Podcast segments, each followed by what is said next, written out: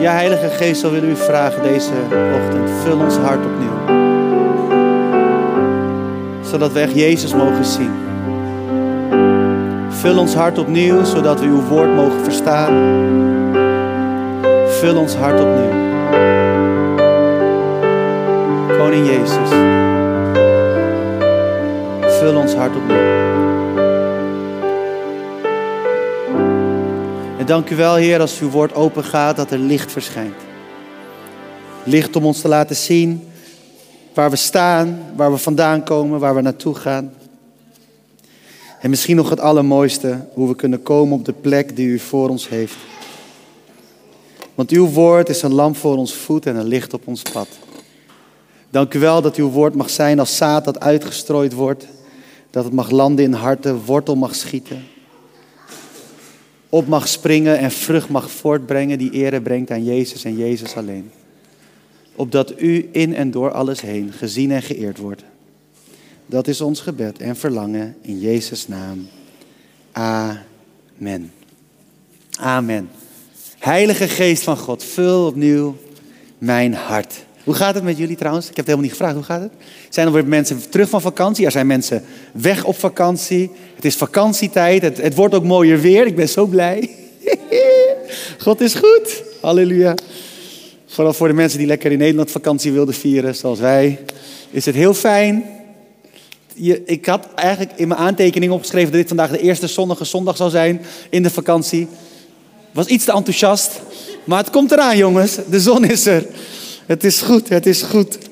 We zijn nog steeds bezig met onze serie door de bergreden heen. En uh, vandaag een hele mooie. We gaan stilstaan bij vers 9 van Matthäus 5. En daarin staat: Gelukkig de vredestichters, want zij zullen kinderen van God genoemd worden. En weet je, wanneer Jezus zegt dat vredestichters gelukkig zijn, of in andere vertalingen staat gezegend of zalig, dan bedoelt hij hier niet zozeer dat je een vredestichter bent wanneer je de boel sust. Dat dacht ik altijd. Maar ik las ergens in een commentaar dat het veel dieper gaat. Hij bedoelt niet eens dat je een bemiddelaar bent. En ook niet per se dat je iemand bent die de vrede najaagt.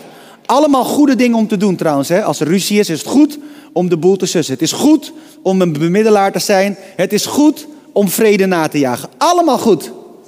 Maar dat is niet wat Jezus hier bedoelt. Nee, vredestichter in de context van deze zin gaat over iemand die zorgt voor vrede en verzoening met zijn eigen vijanden. Die zijn eigen vijanden aankijkt en vrede wilt brengen. Met zijn eigen vijanden voorbij aan zichzelf wilt gaan. Aan zijn eigen gelijk. Aan zijn eigen recht. Omwille van vrede. Dat is een hele next level van vrede stichten. Ik weet niet van jullie, maar dat vind ik echt next level. Ik bedoel, ik vind het leuk om een vredestichter te zijn, als ik mensen ruzie te hebben, om naar een verhalen te luisteren. En dan, oh ja, wat zeg jij? Oh, wat zeg jij? Oh, misschien bedoelt hij dat. Dat, dat, dat, dat. Maar met de mensen die lelijk doen tegen jou, en dan voorbij te gaan aan je eigen gelijk, aan je eigen recht. Om de vrede te bewaren. En eigenlijk is dit precies wat God voor ons heeft gedaan.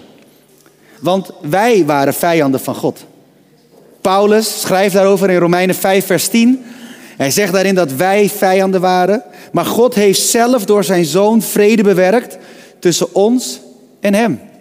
Dat is vrede stichten volgens de hemelse standaard. En volgens mij kan je dat allemaal van harte doen als je jouw eigen waarde dus niet meer vindt in je gelijk, je status of je imago. Niet meer vindt in de dingen die je weet en waar je recht op hebt, maar je eigen waarde echt vindt in Jezus. En zou het daarom zo kunnen zijn dat Jezus zegt dat vredestichters kinderen van God genoemd worden? Dat een vredestichter volgens de hemelse standaard ten diepste een eigenschap is van een kind van God. Simpelweg omdat een kind van God zijn of haar identiteit niet vindt in dingen als status, imago of gelijk, maar in Christus en in Christus alleen. Leuk hè? En het YouVersion plan uh, van deze week zoomt in op wat het betekent om een vredestichter te zijn volgens deze definitie. En mocht je nog geen deel zijn van onze online community op YouVersion, dan kan je dat heel makkelijk worden door deze QR-code te scannen. Woep. En dan zeg je dus dat Reconnect jouw kerk is. We laten hem nog even staan voor mensen die hem nog niet hadden. En, uh, en als je denkt van ik kijk online mee, weet niet welke camera. Als je denkt ik kijk online mee, ik kan niks scannen, is onhandig nu, want ik kijk op mijn telefoon. Dan kan je gaan naar reconnect.cc slash uversion. Je raadt het niet. U-version. Als je dat vergeet, ga je gewoon naar reconnect.cc en dan zie je overal wel ergens U-version staan. En dan kan je daar zeggen, dit is, ik ben ook deel van Reconnect. En dan kan je dus meelezen met die plannen. Waarom is het leuk om dat te doen? Omdat we dus komende week gaan we het hebben daarover. Over wat het betekent om een vredezichter te zijn volgens deze definitie. En toen dacht ik, omdat we het daar al gaan hebben, daarover gaan hebben de komende week, kan ik vandaag over iets anders praten. Want Jezus heeft het ultieme voorbeeld gegeven wat het betekent om een vredestichter te zijn. En ik dacht, hoe leuk is het om daar vandaag bij stil te staan. Ik had me al voorgesteld, vandaag is een mooie dag, het zal wat rustiger zijn. Is ook zo, midden in de vakantie, gezellig. We zijn met een klein clubje. Dus ik dacht, we gaan gewoon lekker van hart tot hart delen. En ik ga mijn best doen om niet te enthousiast te worden, want ik ben mega enthousiast vandaag over deze preek. Dus bid dat ik op de rem trap en dat Jorine een gave krijgt van kennis dat ze kan profiteren en in Engels kan profiteren wat ik ga zeggen. Dan gaat het helemaal goed komen. Want weet je, het ding is, als, ik zei het al, als er iemand is geweest die de ultieme vredestichter zou kunnen noemen, dan is dat Jezus. En ik wil je meenemen naar de woorden van Jezus uit Johannes 14, vers 6 heel bekend. Maar ik denk dat we vandaag er op een bepaalde manier naar gaan kijken. Waarvan jij, ik hoop dat je dan denkt van, oh wat leuk, zo had ik het nooit gezien. En als je denkt van, oh dit weet ik al lang. Sorry, ik ben nog 18 minuten bezig. Maar we gaan Johannes 14, vers 6. En daar staat, ik ben de weg, de waarheid en het leven. Niemand kan bij de Vader komen dan door mij. Ik denk dat de meeste mensen deze tekst kennen. Als je wat jonger bent in het geloven, dan denk je, oh, nou, die ken je misschien niet. Maar de meeste mensen die langer in de kerk komen, misschien een jaar of twee jaar, dan is dit wel een keer voorbij gekomen. Ik ben de weg, de waarheid en het leven. En dan kan je misschien denken, wat heeft deze tekst te maken met Jezus, de ultieme vredestichter? Ik ga het je uitleggen. Dit wordt echt leuk. Wist je dat in de tijd dat Jezus dit zei, dus in de tijd van, van toen, zo'n 2000 jaar geleden. Dat, dat de Joden, of vooral de rabbijnen, ook een, als, als je zei de weg, dat ze daar aan iets dachten. Wie weet dat toevallig? Wie weet toevallig waar, wat, wat, ze nog, wat ze ook de weg noemden in die tijd? Ik zie een paar mensen kijken. Nee, ik weet het niet, ik weet het niet. Voor de koelkast die ik niet heb. Iemand? Nee? De weg, dat uh, was de ingang naar de tabernakel of de ingang naar het voorhof. Dat werd de weg genoemd. Dus als Jezus zegt, de, ik ben de weg. Je merkt ook dat er wat verwarring was onder de discipelen toen. Van welke weg bedoelt u? Hoe, hoe zijn gelopen? Bla bla bla bla. Maar eigenlijk zei Jezus, ik ben de ingang naar de tabernakel. De ingang naar de tempel. En het mooie is, er was geen andere weg naar binnen dan door de weg. Dat was de enige weg naar binnen. Zo kwam je binnen in de voorhof. En had je in de voorhof had je twee dingen. Wie weet dat heel toevallig? Het is een soort quiz, jongens, dit is leuk. Je had twee items in de voorhof. Heel goed. Je had, de, je had de schaal, de koperen bekken wordt dat genoemd in de, in de herziene statenvertaling. Dat was de schaal. En nog een ding. Wie weet dat? Dat is later, dat is later. Die komt ook, die komt later. Ja, ja, ja, dit is echt heel goed. De, het brandofferaltaar. Klopt. En het mooie is, de priesters brachten het offer op het altaar. En dit verwijst natuurlijk naar het offer wat Jezus heeft gebracht op het altaar, wat wij ook wel het ruwhouten kruis noemen. Om de wereld met zichzelf te verzoenen. Het was een voorafschaduwing van wat er zou komen. En, en die koperen bekken, dat, daar moesten ze hun handen in wassen en hun voeten in wassen. Iedere keer als ze het heilige in zouden gaan. En dat kan je weer ook zien als Jezus die zegt, hij is het levend water, zeg maar. Het is hartstikke mooi. Dat zijn twee dingen die ook weer verwijzen naar Jezus. Nou, nu gaan we verder met de quiz. Want dan ga je vanuit het voorhof of de voorhof ga je naar het heilige. En wie weet, heel toevallig, hoe de ingang naar het heilige werd genoemd. Of het heilige, hoe dat werd genoemd. Iemand een idee? De waarheid! Ja, dat klopt! Dat klopt! Vanuit de voorhof kon je naar het heilige gaan. En dat is echt waar. Volgens de Rapijnse literatuur werd dat dan ook de waarheid genoemd. En in het heilige had je de gouden kandelaar. En zoals de gouden kandelaar licht bracht in het heilige, is Jezus natuurlijk ons licht en het licht van de wereld. Het mooie is in het heilige, het enige bron van licht is die kandelaar. Het was helemaal donker. Als die kandelaar uit was, was het donker. En het was geen kandelaar met kaarsen, maar het waren natuurlijk met olie en het brandde de hele tijd door. Dus Jezus is het licht daar in het heilige. En naast de gouden kandelaar had je nog iets. Wie weet dat? Het reukofferaltaar had je daar, had je daar ook. En het reukofferaltaar is natuurlijk ook weer een symbool van de gebeden. De gebeden. De, in de Bijbel staat dat de gebeden zijn als een reukofferaltaar. Maar wat ik nog mooier vind, is dat we kunnen zien in Hebreeën 7, vers 25 en Romeinen 8, vers 34, dat Jezus het is die continu voorbeden doet voor ons. Dus ook weer dat reukofferaltaar, wat ochtends en avonds werd gebranden door de priesters, is ook weer een verwijzing naar van onze gebeden naar de Vader toe. Maar het laat ook zien dat daar in het heilige, daar bij God, is het Jezus die continu bidt voor ons. Weet je hoe vet het is dat je gewoon iemand hebt die continu voor je bidt? Als je zegt, niemand bidt voor me, dan lieg je dus. Er is één persoon die altijd voor je bidt, dat is Jezus. Ik weet niet van jou, maar als er iemand is die ik wil die voor mij bidt, dat ik zou, als ik iemand zou mogen kiezen in de hele geschiedenis van de mensheid, van wie zou je willen dat voor je bidt? Tuurlijk zeg ik dan Jezus. Ja, dankjewel Joost. Ik heb je gemist met je mens. Echt heerlijk. Maar dat is toch te gek? We hebben Jezus die dag en nacht continu voorbeden doet voor ons bij de Vader. Ik vind dit geweldig mooi. En dan heb je nog iets. Derde ding in het heilige. Het is een beetje een soort quiz hè, over de tabernakel. De tafel met de. Juist. En dat je twee stapels van zes stonden symbool voor het Joodse volk, de, twaalf stammen. Maar wat ik heel bijzonder vind, is dat het ook een symbool is dat we eigenlijk continu daar mogen zijn. Het volk mag continu zijn daarbij Jezus in het heilige. Maar wanneer ik aan brood denk, denk ik ook aan, aan avondmaal. Denk ik ook aan communion. Denk ik ook aan samen zijn. En daarin zie je ook weer, we mogen God ontmoeten door Jezus. Jezus is het brood dat leven geeft. Hij, dat, is ook, dat verwijst ook weer naar hem.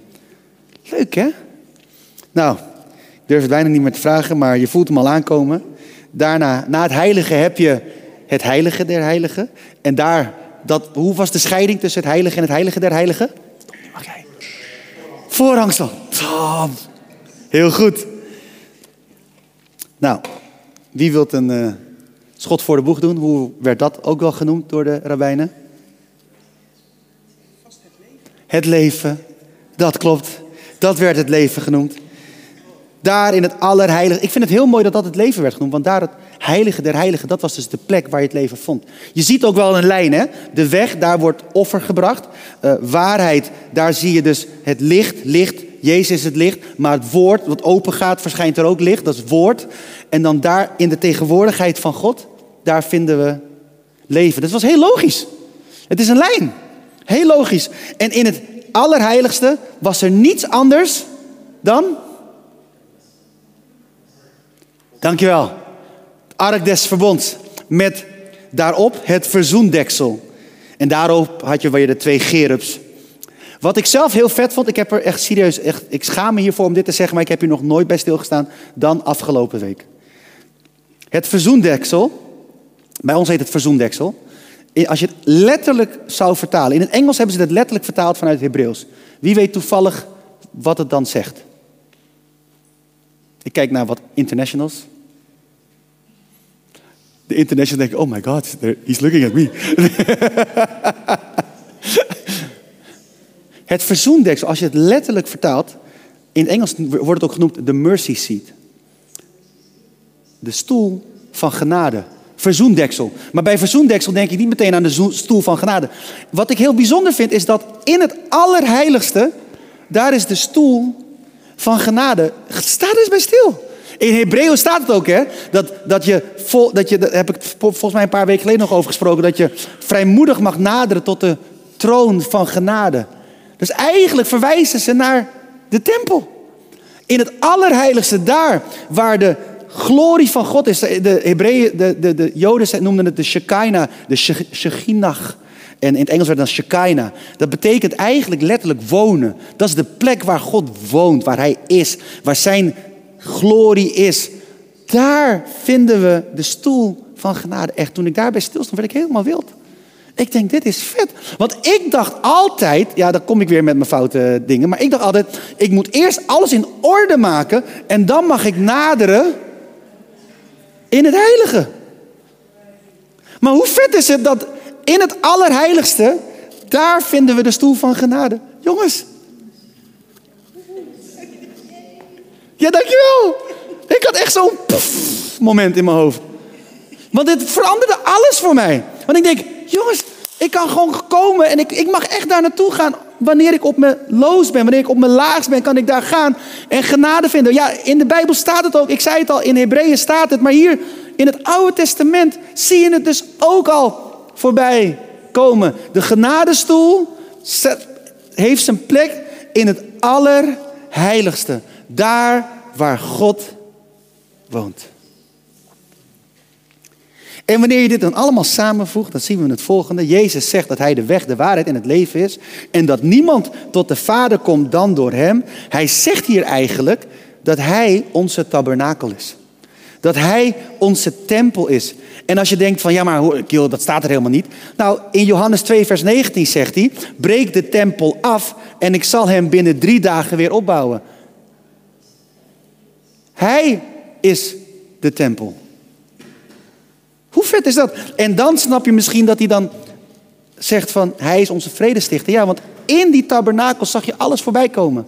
Wat Jezus allemaal heeft gedaan voor ons, zodat wij gewoon naar binnen kunnen gaan. En het mooiste, mooiste, allermooiste natuurlijk nog, nog één keer over het voorhangsel. Toen Jezus stierf aan het kruis, toen scheurde het voorhangsel van boven naar beneden. En ik dacht altijd, daar kom ik weer, hè, maar ik dacht altijd dat het voorhangsel een klein dun gordijntje was. Maar dat was het helemaal niet. Ik zie, ik zie Miranda, nee, dat was knijterdik. Dus het was niet dat je even zo per ongeluk, Nee, daar ging een mega kracht, ging daar doorheen en de weg was vrij. Jongens, dit is vet. En waarom is dit vet? Want elke dag mochten ze in het heilige gaan, maar één keer per jaar gingen ze achter het voorhangsel. Maar door het offer van Jezus kan je dus elke dag.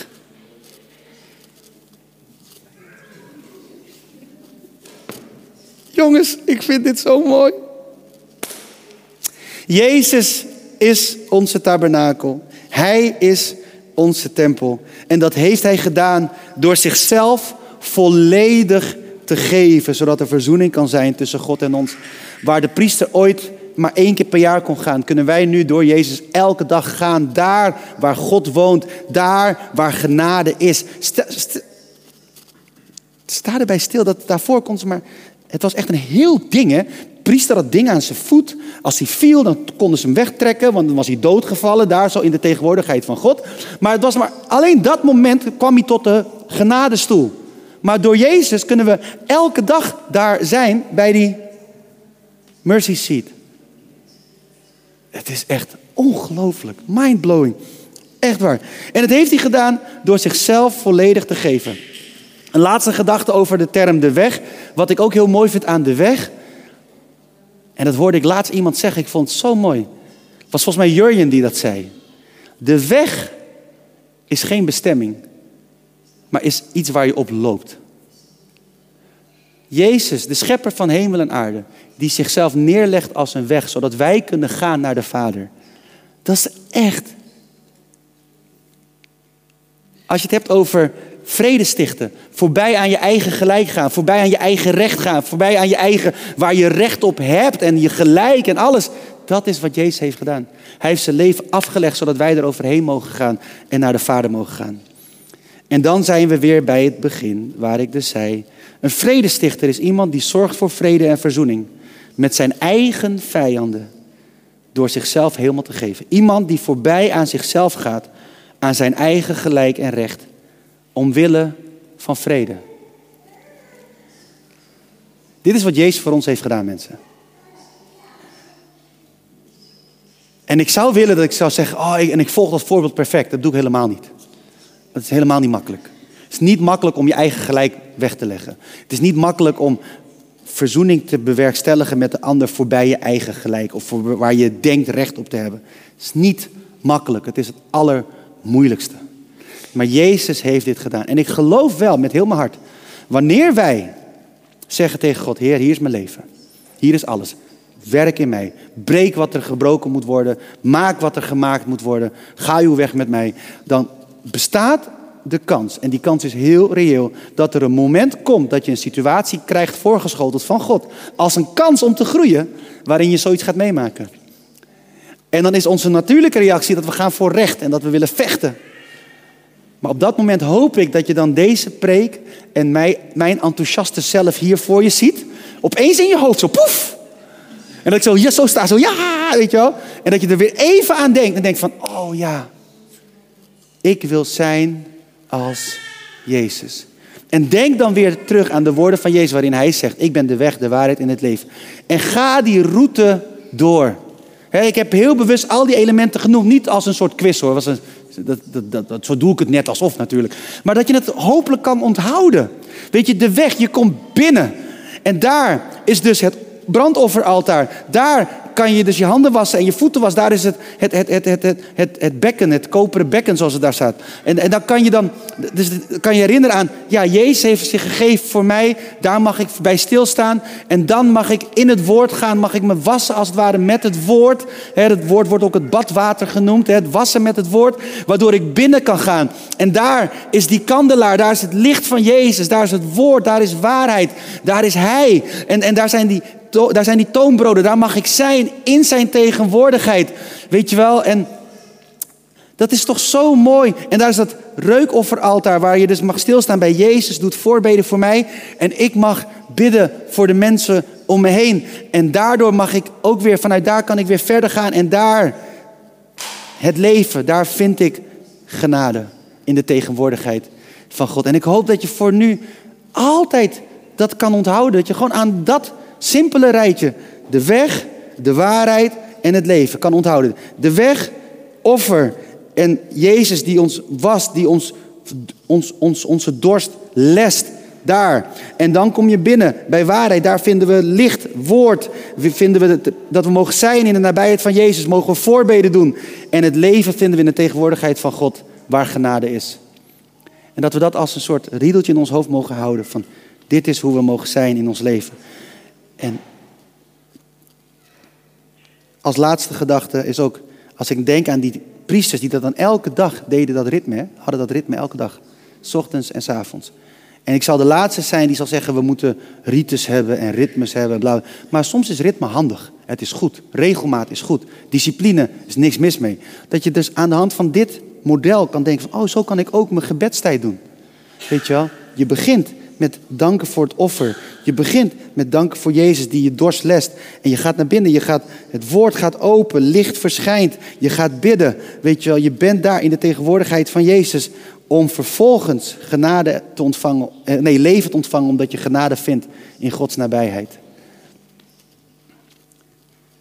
En dat alles wijst naar Jezus, de ultieme vredestichter. En lieve mensen, ik wil zo met jullie bidden.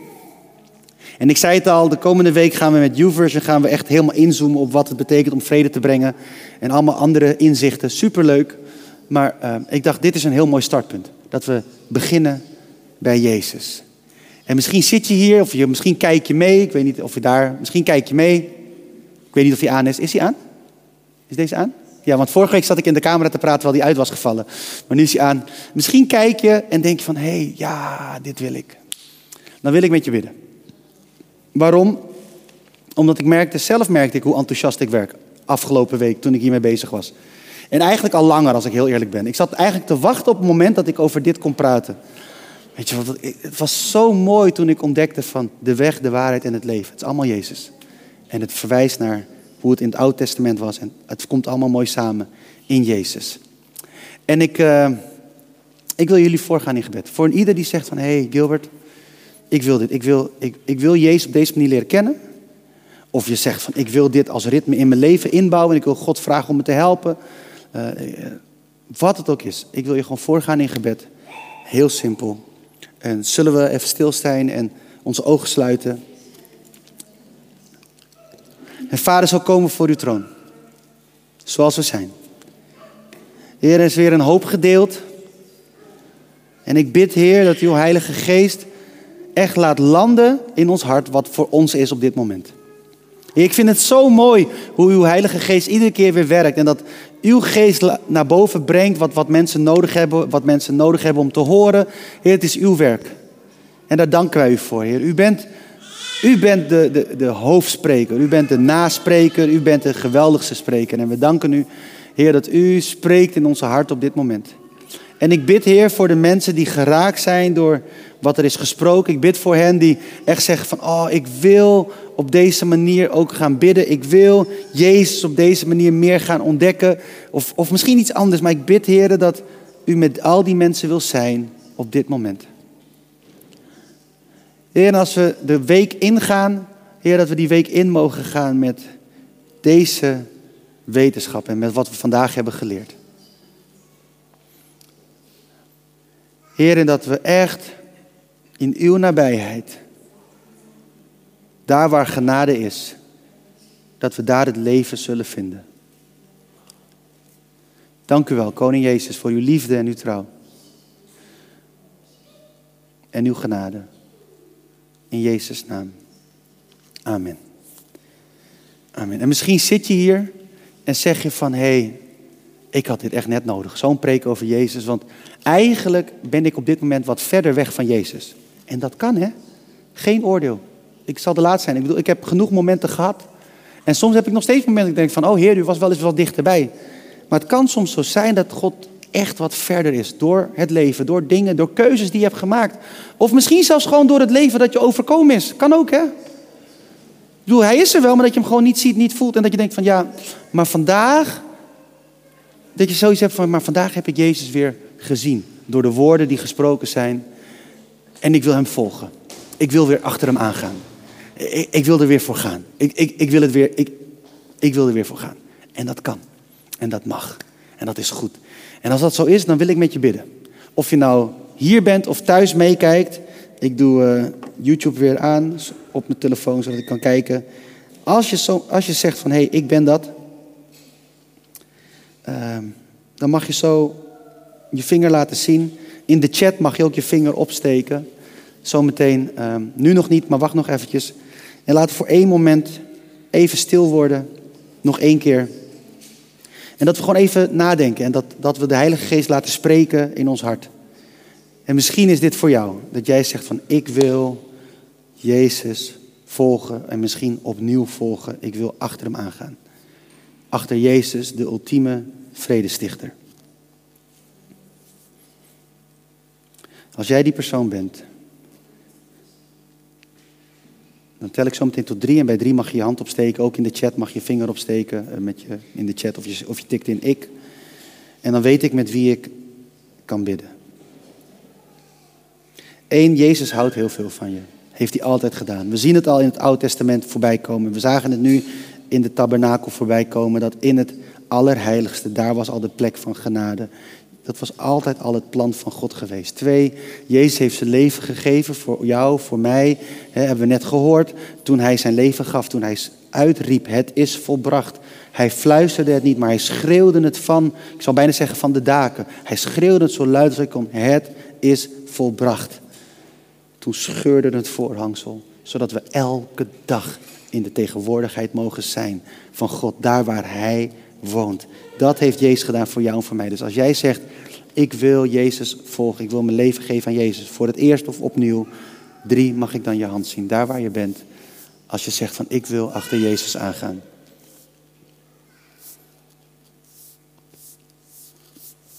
Heel mooi, ik zie een, eh, een hand. Zullen we met elkaar gaan staan? Iedereen, iedereen staan en laten we gewoon de persoon helpen, met die persoon meebidden die zijn hand heeft opgestoken. En misschien ook met de mensen die thuis nog een vinger opsteken. Een eenvoudig gebed uh, en bid me maar na. En ik wil vragen of iedereen me na wil bidden als we dit gebed bidden. Heer Jezus, dank u wel dat u uzelf heeft gegeven voor mij. Heer, vandaag zeg ik ja tegen u. En beantwoord ik uw roep. Ik beantwoord uw uitnodiging. Ik beantwoord uw liefde. Door mijn leven te geven aan u. Wilt u mij helpen? Om te doen wat u vraagt. Vergeef mij wat ik verkeerd heb gedaan. En leid mij op uw weg. En dat vraag ik u. Niet omdat ik het heb verdiend, maar uit genade alleen. In Jezus' naam. Amen. Hey Gilbert hier, bedankt dat je hebt geluisterd naar de podcast van Reconnect Community Church. Ik hoop en bid dat je er niet alleen door bent bemoedigd of geïnspireerd, maar dat deze uitzending jou ook weer meer heeft mogen wijzen naar Jezus en zijn liefde, genade en trouw voor jou en voor mij. En als jij, net als wij, ook enthousiast bent over deze podcast, dan kan je ons helpen door je te abonneren op ons kanaal en deze overdenking te delen met vrienden en bekenden. Mocht je ons ook financieel willen ondersteunen, dan kan dat via reconnect.cc/geven. Je helpt ons dan om dit te blijven doen, zodat wij mede dankzij jouw steun mensen kunnen blijven bereiken met het goede nieuws van Jezus. Bedankt voor je betrokkenheid en je support.